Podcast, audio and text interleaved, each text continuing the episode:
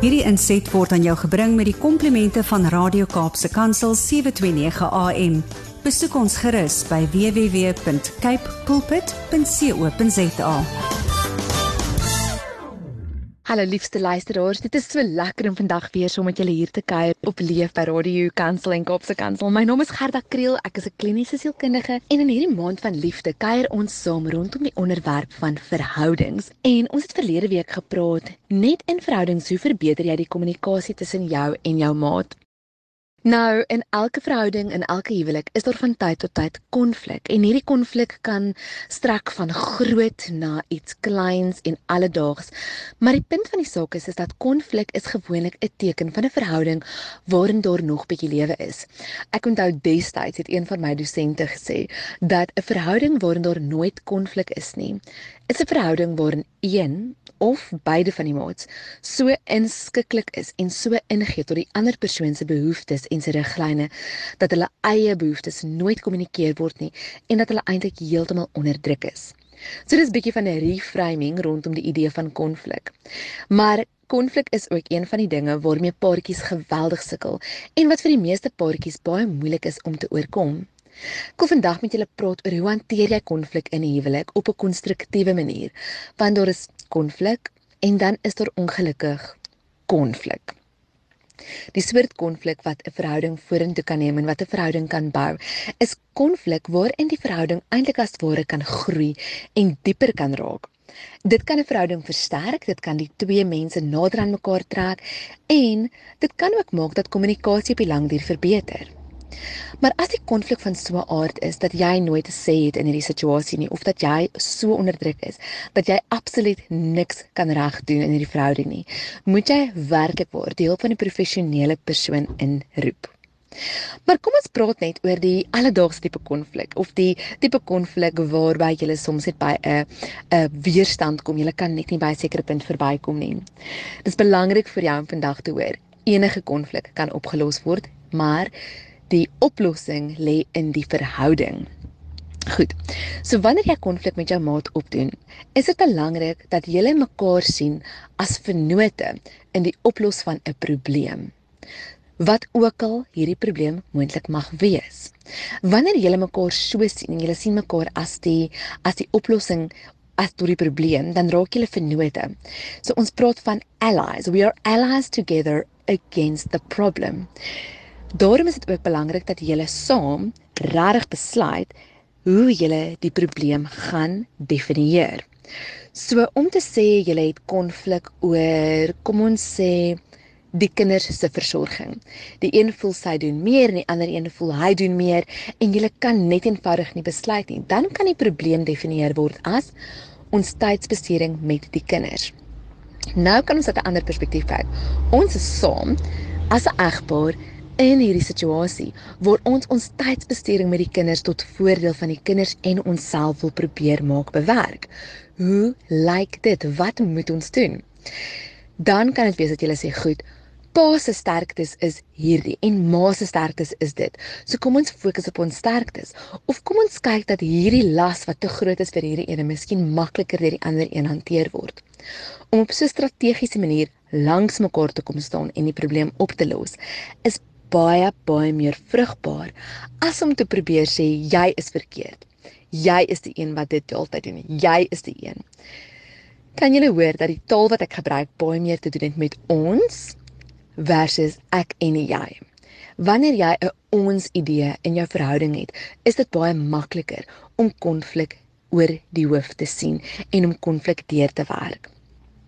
Konstruktiewe konflik gee geleentheid vir beide partye om hulle standpunt te stel op 'n nie oordelende manier te luister. Jy sal onthou verlede week in ons kommunikasiegesprek het ek gepraat oor die belangrikheid van luister. En dit is presies wat ons nodig het om te doen in konfliksituasies. Ons moet ons emosies vir 'n oomblik uithaal en regtig net luister. Ek wil gou vandag vir julle 'n goue waarheid gee rondom emosies. Ek weet nie of julle weet nie, maar emosies is net 'n neurochemiese reaksie in jou liggaam wat gewoonlik nie langer as 90 sekondes hou nie. Hoekom wil ek hê jy moet dit weet? Want want as jy besef dat die emosie wat jy voel op hierdie oomblik oor 90 sekondes uit jou liggaam kan wees, kan jy wanneer jy oorweldig voel deur woede of deur onregverdigheid of deur enige iets wat die konflik erger maak, jouself vir 'n paar minute uit die situasie uithaal en jou emosioneel gaan reguleer.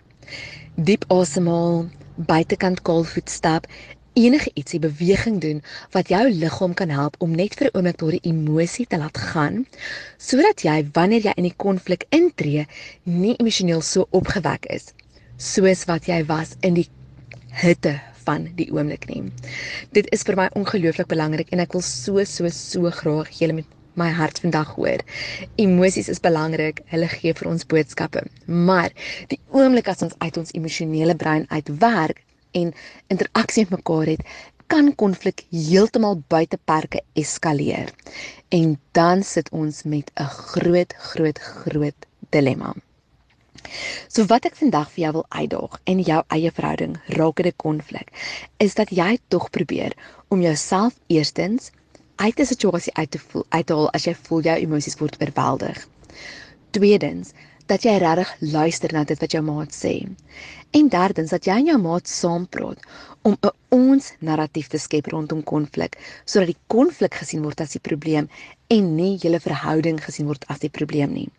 Vir my woorde soos jy doen altyd of jy sê altyd of jy is so. Probeer eerder taal soos dit is vir my baie moeilik. Ek voel hartseer wanneer jy XYZ doen. Kan ons dalk 'n bietjie kyk na oplossings om dit saam te oorkom? Julle die huwelik is 'n absolute ongelooflike fees, maar soos met elke fees, kan daar dinge wees wat 'n bietjie ongemak veroorsaak as jy bietjie te veel geëet het of as die kos te ryk was kan dit ook moeilikheid veroorsaak en die huwelik kan net so wees. Julle dis belangrik om te weet dat niks wat die moeite werd is maklik of eenvoudig is nie. En ek glo met my hele hart dat konflik in die huwelik wanneer dit deurgewerk word, wanneer paartjies deur moeilike tye gaan, partykeer dinge wat hulle van tevore geglo het onoorkombaar is. Hulle verhouding so kan verdiep ten spyte van die konflik, eintlik juis as gevolg van hoe hulle dit deurgewerk het. Draai na jou maat toe. Erken jou eie foute en maak seker dat jy altyd sentraal onthou dat die Here die ander persoon liefhet en dat hy jou lewensmaat liewer het as wat jy jou lewensmaat het en dat hy jou liewer het as wat jou lewensmaat jou het. Onthou dat julle elkeen intrinsieke waarde het. Weereens wil ek ook vir julle herinner, as die konflik van so 'n aard is dat jou lewe in gevaar is of dat jy bedreig voel, maak seker jy kom by 'n veilige plek uit. Sekere soort konflik wanneer die maat nie bereid is om saam met jou daardeur te werk nie, het professionele hulp nodig. Maak seker jy weet wanneer om hulp te kry. Mag julle 'n geseënde week hê en mag julle regtig vir hierdie week van liefde met mekaar vier en mekaar geniet. Tot volgende week. Hierdie inset was aan jou gebring met die komplimente van Radio Kaapse Kansel 729 AM. Besoek ons gerus by www.cape pulpit.co.za.